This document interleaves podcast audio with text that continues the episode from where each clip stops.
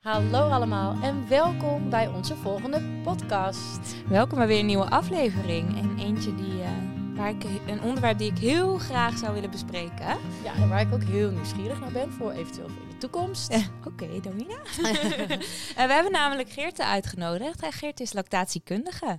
Welkom Geerte. Ja, dankjewel. Fijn dat jullie zo enthousiast zijn. ja, we zijn heel erg benieuwd naar wat jij ons vandaag allemaal uh, voor tips kan geven en uh, ons te vertellen hebt. kan je iets meer vertellen over jezelf en wat een lactatiekundige inhoudt? Ja, zeker. Um, ik ben zelf moeder van drie kinderen. Al hele grote van 18 en van 15 en een van 7. Um, alle drie hebben ze ook borstvoeding gekregen. En ik ben op een gegeven moment uh, de opleiding tot kraamverzorgende gaan doen. Dat vond ik heel leuk. Lekker intiem zo'n gezinnetje verzorgen. Ze de, de, week opstarten, zeg maar. Zodat ze het daarna allemaal zelf konden. Uh, maar eigenlijk het stukje borstvoeding vond ik altijd het meest interessant. Dus op een gegeven moment dacht ik uh, eigenlijk tijdens de opleiding al, tijdens de kraamopleiding al, van oh, dit lijkt me nog leuker. Dus ik dacht ik ga me specialiseren in het stukje borstvoeding. Dus ben gaan zoeken naar uh, hoe ik dat zou kunnen doen. Tijdens de opleiding had ik al contact met een andere lactatiekundige. En uh, nou, die vond mijn drive ook wel interessant. Dus die dacht, nou, dat gaan we zeker uh, bewerkstelligen met elkaar. Dus toen heb ik een jaar als kraamverzorgende gewerkt na mijn opleiding. En daarna ben ik de lactatiekundige opleiding gaan doen. Dat is een post-HBO-opleiding van een jaar. Okay. En ehm, heel interessant. Je leert alles op gebied van borstvoeding, maar het is allemaal in het Engels eigenlijk. Dus het is een, een wereldwijde opleiding. Dus de boeken zijn in het Engels, maar de lessen heb je dan wel in het Nederlands. Okay. En uh, je moet in totaal uh, duizend ervaringsuren opdoen. Dus daarom moest ik gewoon wat meer uren ook uh, werken in de kraamtijd. Of in de kraamzorg. Om te zorgen dat je ook genoeg affiniteit hebt en genoeg ervaring hebt met borstvoeding. Nou, en in de kraamzorg bouw je dat heel snel op. Dus dat is heel mooi. En toen ik mijn, mijn opleiding klaar had, toen kreeg ik mijn jongste ook ongeveer in die periode daarna.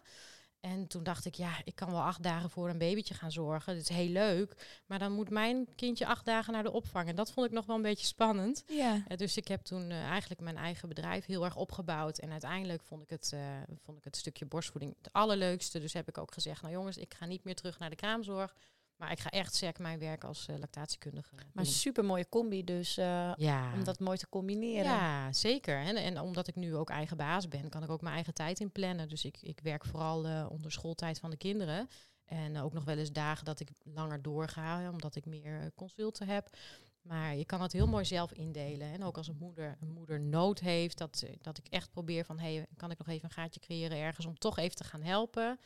En ik heb ook nooit het gevoel dat ik aan het werk ben. Dus dat is ook heel leuk met mijn vak. Ik, ik zie het ook als een, als een soort hobby. En ik krijg er ook nog voor betaald. Dus nou, dat is nou, hartstikke leuk. Leuk meegenomen. Ja. Zo zitten wij hier ook, hè, Doin? Ja, zeker. nou, dat is het mooiste, toch? Ja, absoluut, ja. absoluut. Want um, je, je bent dan bij pasgeboren babytjes, denk ik, betrokken. Klopt. Uh, of ook nog bij je babytjes op latere leeftijd? Eigenlijk wel alle leeftijden. Maar vooral in de beginperiode lopen de moeders toch tegen de meeste vragen aan. Hè. Het is allemaal nieuw, het is onzeker.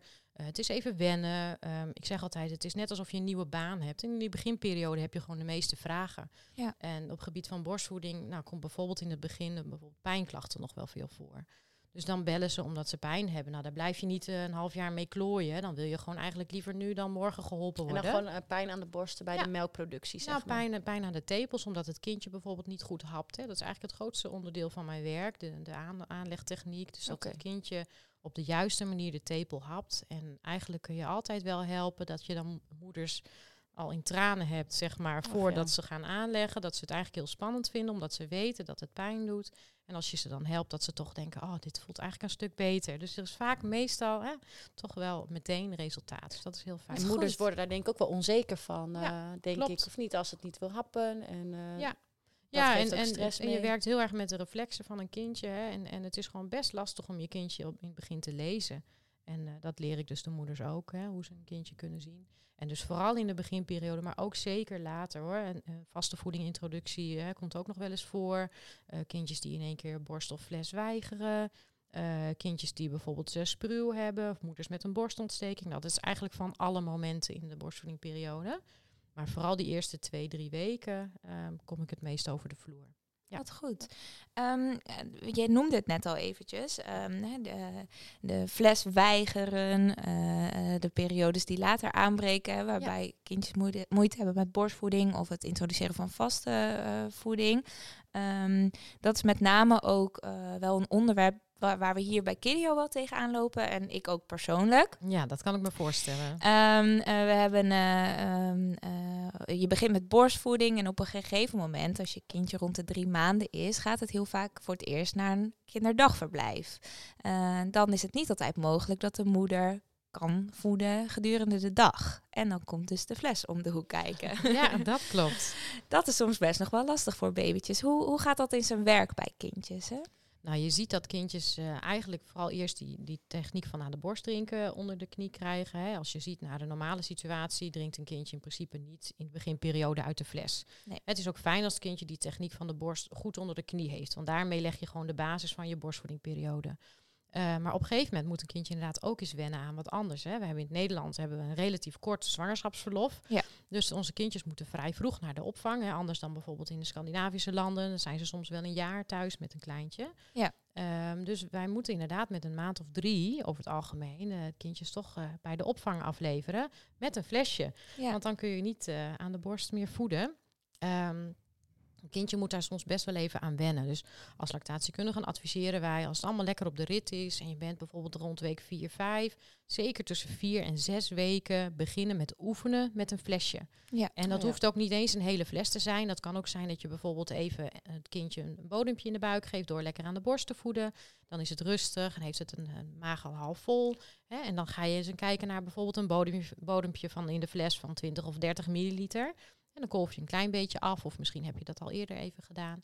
En dan uh, oefen je dat met je kindje. Dus dat is eigenlijk de, de minst intensieve vorm van oefenen, waardoor het ook wat relaxter is voor moeder en kind. Ja. want als je een heel hongerig kind hebt, wat je een hele fles wil gaan voeden, omdat het je brengt het bij oma en je denkt, nou, uh, succes oma, ik ga lekker even met mijn partner uh, uit eten vanavond. Nou, dan word je waarschijnlijk heel snel gebeld van, uh, kom maar terug, want het werkt nog niet zo goed. Dus het is altijd goed om dat van tevoren even te oefenen. En is dan een bepaalde frequentie ook belangrijk? Ik weet nog bij ons, hè, wij, in het begin gingen we ook een keertje met een fles oefenen. Nou, ging allemaal perfect. En uh, volgens mij hadden we toen ook een bepaalde reflex, waardoor dat heel goed ging.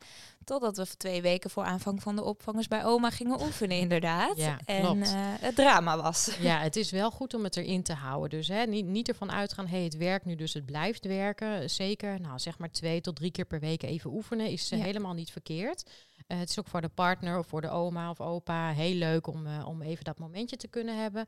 En je mag het als moeder gewoon zelf doen. En soms als kinderen wat groter zijn, dan associëren ze moeder heel erg met de borst. Dus dan willen ze eigenlijk geen flesje van moeder. Oké. En dan willen ze liever dat bijvoorbeeld de partner, dus dat je zelf even de kamer uitloopt. Maar meestal in die jonge oh. periode kun je het zelf ook heel prima je kindje aanleren. Dat is wel een goede tip. Even uit de ruimte lopen, uh, zodat misschien ook het besef is, oké, ze is er nu Precies, niet. mama dus is niet in de moet wel. Ja. En op die hele jonge leeftijd, vier tot zes weken, leggen ze die link nog niet. Maar als ze wat groter zijn, stel ze zijn een maand of drie, dan weten ze echt wel, mama is ook voeding. En uh, dan kan het zijn dat ze die fles zien, maar dat ze dan bij mama liever bij de borst uh, zeg maar, drinken. Ik hoor soms ook wel kinderen die het gewoon echt wel een hele dag volhouden dan ook om gewoon te weigeren. Ja, klopt. En weigeren is meestal niet bewust weigeren in het hoofd, maar meestal is het ook onkunde. Dus dat een kindje het gewoon niet meer snapt. En daarom is ook die termijn van vier tot zes weken heel belangrijk, want rond acht weken verandert er wat in die mondmotoriek, waardoor het kindje het moeilijker vindt om verschillende dingen te leren. Dus als je dat kindje dat voor die tijd al hebt aangeleerd, dan is het makkelijker om die beide technieken naast elkaar te kunnen gebruiken. dus en de borst en de fles. Want het is gewoon een andere mondbeweging. Wat goed dus als je dat uh, met vier tot zes weken zeker begint met oefenen, nou, dan heb je voor acht weken heb je die drempel al gehad. Ja. Dus uh, alle moeders uh, op tijd ja. instrueren dat ze het op tijd gaan oefenen. Dat is heel belangrijk. Tip. Ik um, hoor deze tip natuurlijk nu, alleen bij mij is het kwaad al geschied. Inmiddels drinkt ze gelukkig wel beter uit de fles. Um, heb je ook tips voor moeders die um, dit helaas te laat horen? Um, ik zou dan zeker als het kindje de fles weigert, dagelijks even gaan oefenen. En dat dus niet als het kind heel erg honger heeft. Dat hoor je ook wel. Oh, als hij honger heeft, dan pakt hij hem wel. Dus uh, het is gewoon dat hij jou wil. Dat is echt geen onkunde. Het is okay. echt geen onwil. Het is echt onkunde. Okay. Ja. Hè, dus um, denk niet dat je kindje manipuleert. Want dat is echt niet het geval. Nee. Hè, dus het kindje snapt het gewoon even niet. Moet even weer wennen aan wat er gebeurt. En dat gebeurt het beste zonder dwang. Dus uh, bijvoorbeeld na één borst, als je normaal gesproken de andere kant nog even zou geven of nog een keer zou aanleggen, even een bodempje met de fles oefenen. En als het kindje heel erg gaat weigeren of uh, vindt het heel spannend of je merkt dat het heel erg in protest gaat, gaat huilen, meteen afbreken en gewoon de volgende dag weer proberen. Okay. Want als het kindje een negatieve associatie krijgt met de speen, doordat je het er maar in blijft duwen en ja, maar je moet en je zal toch een keer moeten leren, Ja. dan werkt het, werkt het eigenlijk meestal averechts. Ja, ik kan me heel goed voorstellen dat je op een gegeven moment denkt, nou de opvang begint bijna, dus ze moet nu, dus ik zet Ja. even door. Ja, de Maar druk, werkt eh, de dus- druk komt er ook vaak wel op, inderdaad. Dat je echt denkt, oh jee, maar ik moet nu echt volgende week aan het werk. Ja, En dat maakt het vaak extra spannend. En dat kindje voelt dan ook jouw spanning. Dus dat is dan ook weer wat dan averechts werkt. Dus dan kun je misschien beter, als het echt nog niet werkt, even kijken of je bij de opvang bijvoorbeeld kan voeden. Of dat je even vanuit je werk en naar de opvang kan om te gaan eh, voeden. Of naar huis als je kindje thuis is bij papa. Ehm, hè, of dat je eh, op die manier probeert een beetje eh, wat langer verlof te krijgen. Of dat je wat langer bij je kindje thuis kan zijn bijvoorbeeld. Hè? bij ons is het overigens heel goed mogelijk om, eh, om hier te voeden. Daar hebben we speciale ruimte voor. Ehm, dus het is altijd mogelijk, als het werk van moeder toelaat, om tussendoor hier te komen. Dus, Nou, dat is heel mooi. Hè. In principe hebben, heb je ehm kolfrecht hè, in, de, Ja. in de tijd na de, na de bevalling en na je verlof, zeg maar. Heb je recht op om te kolven. En dan kun je een kwart van je werktijd gebruiken om je kindje te verzorgen. En dat is natuurlijk makkelijk om te kolven op je werk. Maar in principe mag je die tijd vrij indelen. Natuurlijk wel in overleg met je Mhm. baas. Natuurlijk. Dat je bijvoorbeeld zegt van nou, ik kan ook eh, naar de opvang gaan. En sommige bedrijven hebben zelf een opvang in huis. En sommige bedrijven werk je misschien dichtbij. Maar goed, als het heel ver weg is, is het natuurlijk lastig hè, om naar de opvang Ja. te gaan. Maar in deze situatie bij jullie is dat eigenlijk ideaal. Dat moeder gewoon hier kan komen. Dus Ja. dat is heel mooi. eh. Ze krijgen een berichtje volgens mij. eh tenminste, als ouders het willen, dan krijgen ze een berichtje zo van, nou, hij is nu wakker. Dus eh, als je wilt, kan je nu eh, komen. Of binnen nu in een uur. Of Ja. wanneer het ook maar. eh, Alles helemaal in overleg om zoveel mogelijk de aansluiting en de overgang tussen thuis en de opvang zo klein mogelijk te houden. Dus ja, dat echt is heel het mooi. verlengstuk van thuis zijn. Ja, en Ja. dat is voor de kindjes denk ik ook fijn. Helemaal om op die manier op te starten. Ja. dan geven we hier dus ook gewoon borstvoeding. Moeders kunnen het ook eventueel ook gewoon meenemen, zodat wij het hier bewaren en opwarmen. Om zo op die manier ook inderdaad gewoon zoveel mogelijk uit de thuis. fles. Ja, Ja. moedermelk uit de fles. Mooi. Want eh, op een gegeven moment is natuurlijk het verlof van moeder voorbij en moet ze weer aan het werk gaan. Dan begint het kolven en eh, inderdaad het wennen aan de fles. Ehm, heb je nog tips voor die overgang? Is het goed om alvast te oefenen met kolven? Eh, hoe... Ja, net als dat het goed is om te oefenen met de fles, zul je dus eh, evenredig daaraan ook moeten oefenen met kolven. Dus het is wel fijn dat je datgene wat je oefent met de fles ook natuurlijk kolft. Dus een beetje voorkolven, 20 milliliter, 30 milliliter om even te proberen. Maar ook om een beetje voorraad op te bouwen. Hè. Soms moet je ook wennen aan het kolven. Kijk, als je je kindje aan de borst legt, dan voel je liefde voor je kind. En dat die hormonen gaan vanzelf lopen. Een kolf is toch een machine, dus dat voelt toch anders. Ondanks dat je weet dat je het voor je kind doet, moet je daar soms best een beetje aan wennen. Dus het is ook handig om dat bij tijd eventjes te gaan oefenen. En eh, dan kun je eh, eventueel de gekolfde melk gewoon in de vriezer bewaren. En dan eh, bouw je langzaam een voorraadje op. En je hoeft ook echt geen liters op voorraad. Hè. Tegenwoordig is het een beetje een dingetje. Op Facebook zie ik het wel. Moeders die hun vriezer opentrekken. En echt de hele vriezer vol met allemaal lades met moedermelk. Oh. Nou ja, dat ga je waarschijnlijk helemaal niet eh, zo snel gebruiken. Dus zorg dat je een, een eh, voorraad hebt en net wat ruimer dan wat je nodig hebt. Ja. Zodat je in ieder geval eh, een aantal voedingen mee kan geven naar de opvang. Misschien een keer eentje extra voor als er toevallig eentje sneuvelt of wat dan ook. Of het kindje drinkt toch de fles niet, hè, dat je het misschien weg moet doen. Eh, zorg je dat je wat extra voorraad hebt. En op de dagen dat je aan het werk bent, kolf je ook. Dus vul je eigenlijk je voorraad meteen weer aan. Ja. Dat is En het mooiste. eh, stel je wil op een gegeven moment stoppen met borstvoeding. eh, hoe kan je dat het beste afbouwen? Want je kunt, lijkt mij, niet abrupt ineens stoppen met borstvoeding. Zo van, nu ga ik over naar eh, vaste voer of naar gewone flesvoeding. Kunstvoeding. Nee, nee, naar kunstvoeding inderdaad, nee. Het is het, het fijnste voor je lichaam en ook voor je kindje als je dat geleidelijk doet. Hè. De, de darmen van je kindje moeten wennen aan andere voeding. Dus als je een voeding gaat vervangen, dan zal het eerst even daaraan moeten wennen. En sommige kindjes hebben daar echt een beetje last van. Dus die kun je echt merken dat die darmpjes wat onrustiger worden. Andere kinderen zie je eigenlijk geen verschil of ze moedermelk of kunstvoeding krijgen. Eh, maar het is fijn om dat een beetje langzaam aan te, aan te wennen. Dus wat je het beste kan doen, is dat je kiest welke voedingen je eigenlijk als eerste eraf wil. Nou, dat zou bijvoorbeeld een voeding kunnen zijn als jouw kindje op de opvang is, zodat je een keer minder hoeft te kolven. Nou, dan ga je die ene voeding ga je vervangen door een flesje kunstvoeding.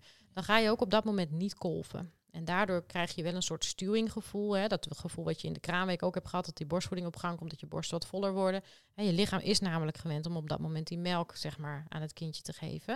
Nou, dat gebeurt dan niet, dus die borsten worden even wat voelen, voller. Dat gevoel blijft ongeveer een dag of twee, drie. En dan wendt je lichaam eigenlijk vanzelf aan dat die voeding eraf is. En zo kun je dan na een dag of drie tot vijf ervoor kiezen om eventueel nog een voeding te laten vervallen.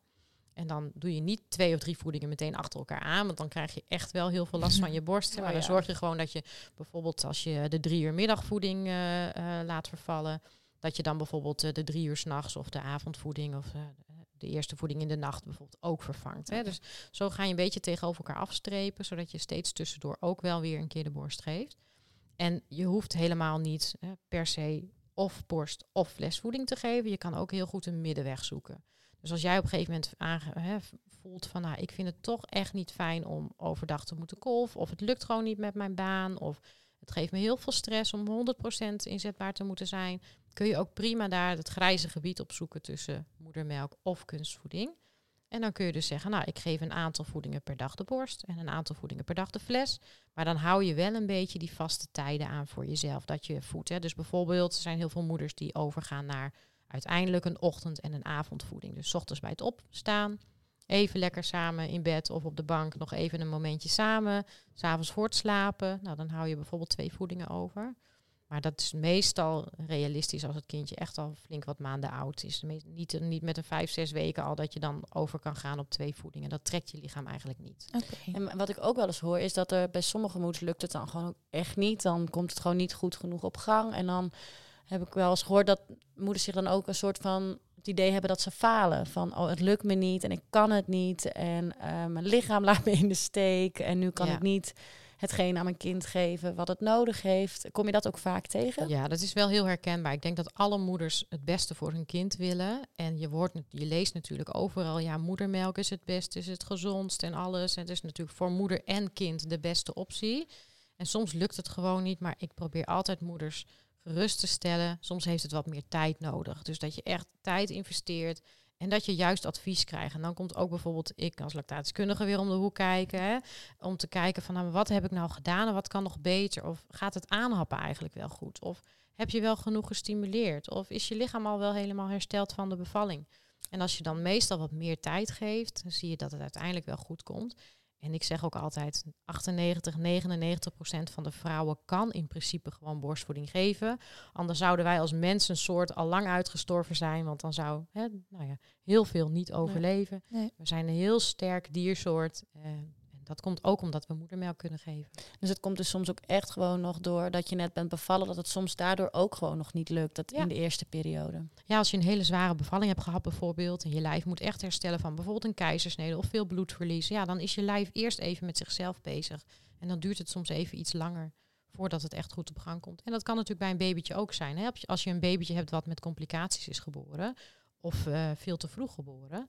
Ja, dan heeft dat gewoon echt wat langere aanlooptijd nodig. En de mooiste situatie, wat je natuurlijk allemaal ziet... in mooie plaatjes met moeders met witte kleren... en baby's helemaal Ja. smetteloos en... eh, Oh, ja. lekker bij moeder aan de borst. Maar goed, dat is echt eh, de roze wolk waar we toch al vrij snel van afdonderen. Want het is gewoon best hard werk om Ja. voor je kindje te zorgen. En borstvoeding hoort daar ook bij. Ja, er zijn natuurlijk heel veel mooie verhalen dat het allemaal goed gaat en lukt. Maar het kost ook heel vaak heel veel bloed, zweet en tranen. ja, het kost gewoon heel veel, heel veel intensiviteit. En, en als het echt nog niet allemaal lukt, bel alsjeblieft gewoon. Hè, en eh, zoek, om, zoek voor hulp. En dat kan bij je ouders, bij je moeder, bij je zus die al heeft gevoed, bij een vriendin zijn. En dan zul je, als je, mer zul je merken als je je verhaal deelt, dat ze ook wel zeggen, ja, dat had ik eigenlijk ook wel, maar dat ben ik eigenlijk alweer vergeten. Oh ja. En Oh dus ja. je vergeet het ook wel weer. Die scherpe Ja. randjes die gaan er ook wel weer af. ja. Maar het is gewoon goed om het te delen. En dat heb je natuurlijk met babyleeftijd. Maar heb je ook als je pubers hebt. merk ik aan mezelf met pubers. Als ik dan een vriendin even vraag die ook een puber heeft. Dat ze zegt, oh ja, herkenbaar. Oh, dat Oh heb ja. ik zo opgelost. Of hè, dan ga je Ja. een beetje sparren met elkaar. En dan denk je, als zo gek zijn we dus toch nog niet allemaal met elkaar. Het dus opengooien en niet Ja. het probleem jezelf bij jezelf leggen. Ja, nee. Ja, en dat kan natuurlijk ook bij jullie hè, als opvang. Jullie Ja, zien het ook van andere ouders. En ze, ah, ze zijn echt niet alleen in hun probleem. Dus ze kunnen het ook bij jullie neerleggen. eh, zeker. met jullie delen. Want daar zijn we ook absoluut voor. We gaan hier echt samen met ouders in gesprek, eigenlijk op alle leeftijden. waar ouders ook tegenaan lopen. Ze Ja, mogen altijd bij ons eh, aanbellen en eh, vragen om hulp. Ja, nou jullie hebben daar ook weer ervaring in, hè? dus dat is gewoon fijn. En ouders zijn er toch altijd nieuw in. En ook soms bij een eerste of juist bij een tweede kindje is het toch weer anders. Dus dan is het gewoon fijn om dat met een zorgprofessional te kunnen overleggen. Ja, Ja. nou, super goed om te horen. Ehm, ik had nog één vraag over hè, het overstappen op de kunstvoeding. Ehm, eh, ik heb ook wel eens gehoord dat het soms helpt om een beetje kunstvoeding met borstvoeding te mengen. Is dat ook iets wat jij adviseert? Of zou je dan echt gewoon een hele fles kunstvoeding? Eh, in principe adviseer ik niet om de voeding te mengen, behalve als het kind pertinent de smaak van de kunstvoeding niet tolereert. Ik heb eh, toevallig eh, van de week een, eh, een moeder met een kindje die zegt, nou als ik de fles geef met mijn melk gaat het perfect, maar als ik met kunstvoeding geef, nou dan doet hij er gewoon echt helemaal niks mee. Nee. Nou, dan zeg ik wel, hè, doe eens even één, één deel kunstvoeding en twee delen moedermelk. Kijk eens wat het Ah. daarmee doet. Maar ga dan niet hele flessen mengen, want dan moet je je hele productie misschien wel, hè, die hele fles weggooien. Het is gewoon zonde van jouw moedermelk. Kijk, kunstvoeding betaal je voor, maar dat doet je geen pijn. Maar moedermelk, daar moet je best wel hard voor werken soms. Dus dan is het heel pijnlijk om dat door de gootsteen te gooien. Dus doe dan even een klein beetje. Begin met 20 milliliter moedermelk, 10 milliliter kunstvoeding. En even kijken of het dan wel gaat. En dan bouw je het langzaam op, zodat het kindje aan de smaak went. Ja. Maar ik zou niet per definitie gaan mengen met, Nee. eh, met voeding. Dus gewoon eerst een hele fles en dan kijken hoe het kindje Ja. ook daarop reageert. Ja. En dan, eh, oké, Ja. nou, goede En tips. soms is het ook helemaal niet nodig dat een kindje kunstvoeding krijgt. Hè. In principe, als je borstvoeding geeft, heb je per definitie niet per, de- per se eh, kunstvoeding nodig. Nee. Als jij gewoon borstvoeding blijft geven, kan jouw kindje gewoon doorgaan met borstvoeding. Ook na zes maanden. Hè. Heel Ja. vaak wordt er gepromoot, vanaf zes maanden kun je een bepaald merk of eh, kunstvoeding gaan gebruiken. Maar dat komt eigenlijk omdat de kunstvoedingwereld mag pas promoten vanaf zes maanden. Hè. Daar maken ze ook gebruik van. Maar eigenlijk kan je kindje prima, zelfs tot twee jaar of nog wel langer, al het vocht aan moedermelk krijgen. Dus je begint dan met zes maanden bijvoorbeeld met hapjes erbij. Ja. En dat komt dan ook erbij. Dus het is bijvoeding. Je gaat dan niet per se je voeding afbouwen. Maar naast de moedermelk geef je dan een fruithapje erbij. En dat kan op die leeftijd ook prima gewoon een stuk fruit zijn. Dus gewoon een stuk banaan bijvoorbeeld. En dan zit, zitten ze al rechtop met zes maanden. Kunnen ze het prima zelf eten. En er wordt vaak wel ook genoemd vanaf vier maanden al hapjes gaan geven. Dan wordt het vaak gepureerd.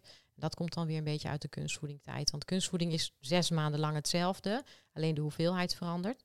Dus dan heeft een kindje vaak na vier maanden echt meer voedingsbehoeften.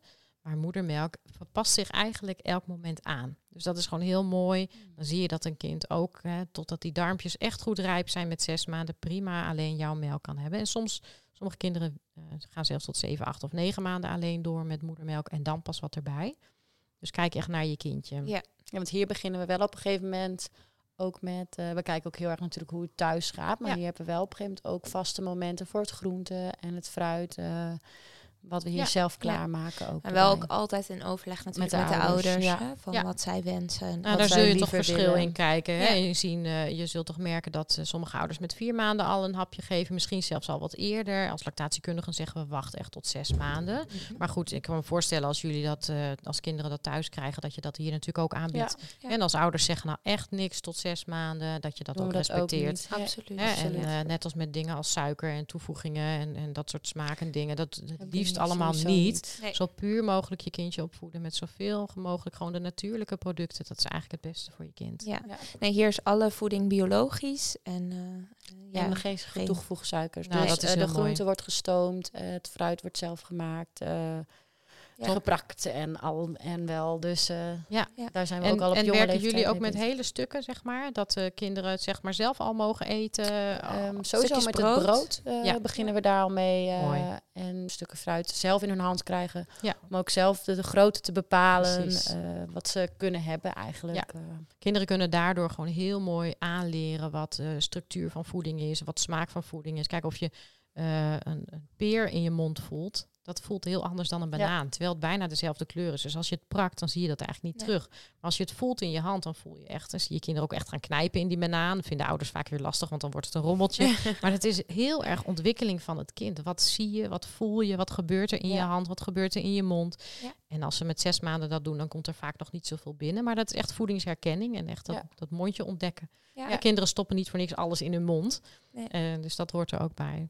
We laten dan ook zelf het stukje brood en zo wel pakken. En dat wordt Ja. dan soms één grote kliedeboel inderdaad hier. Maar eh, ja, dan ruimen we daarna wel weer, Ja, wel hoor. weer op.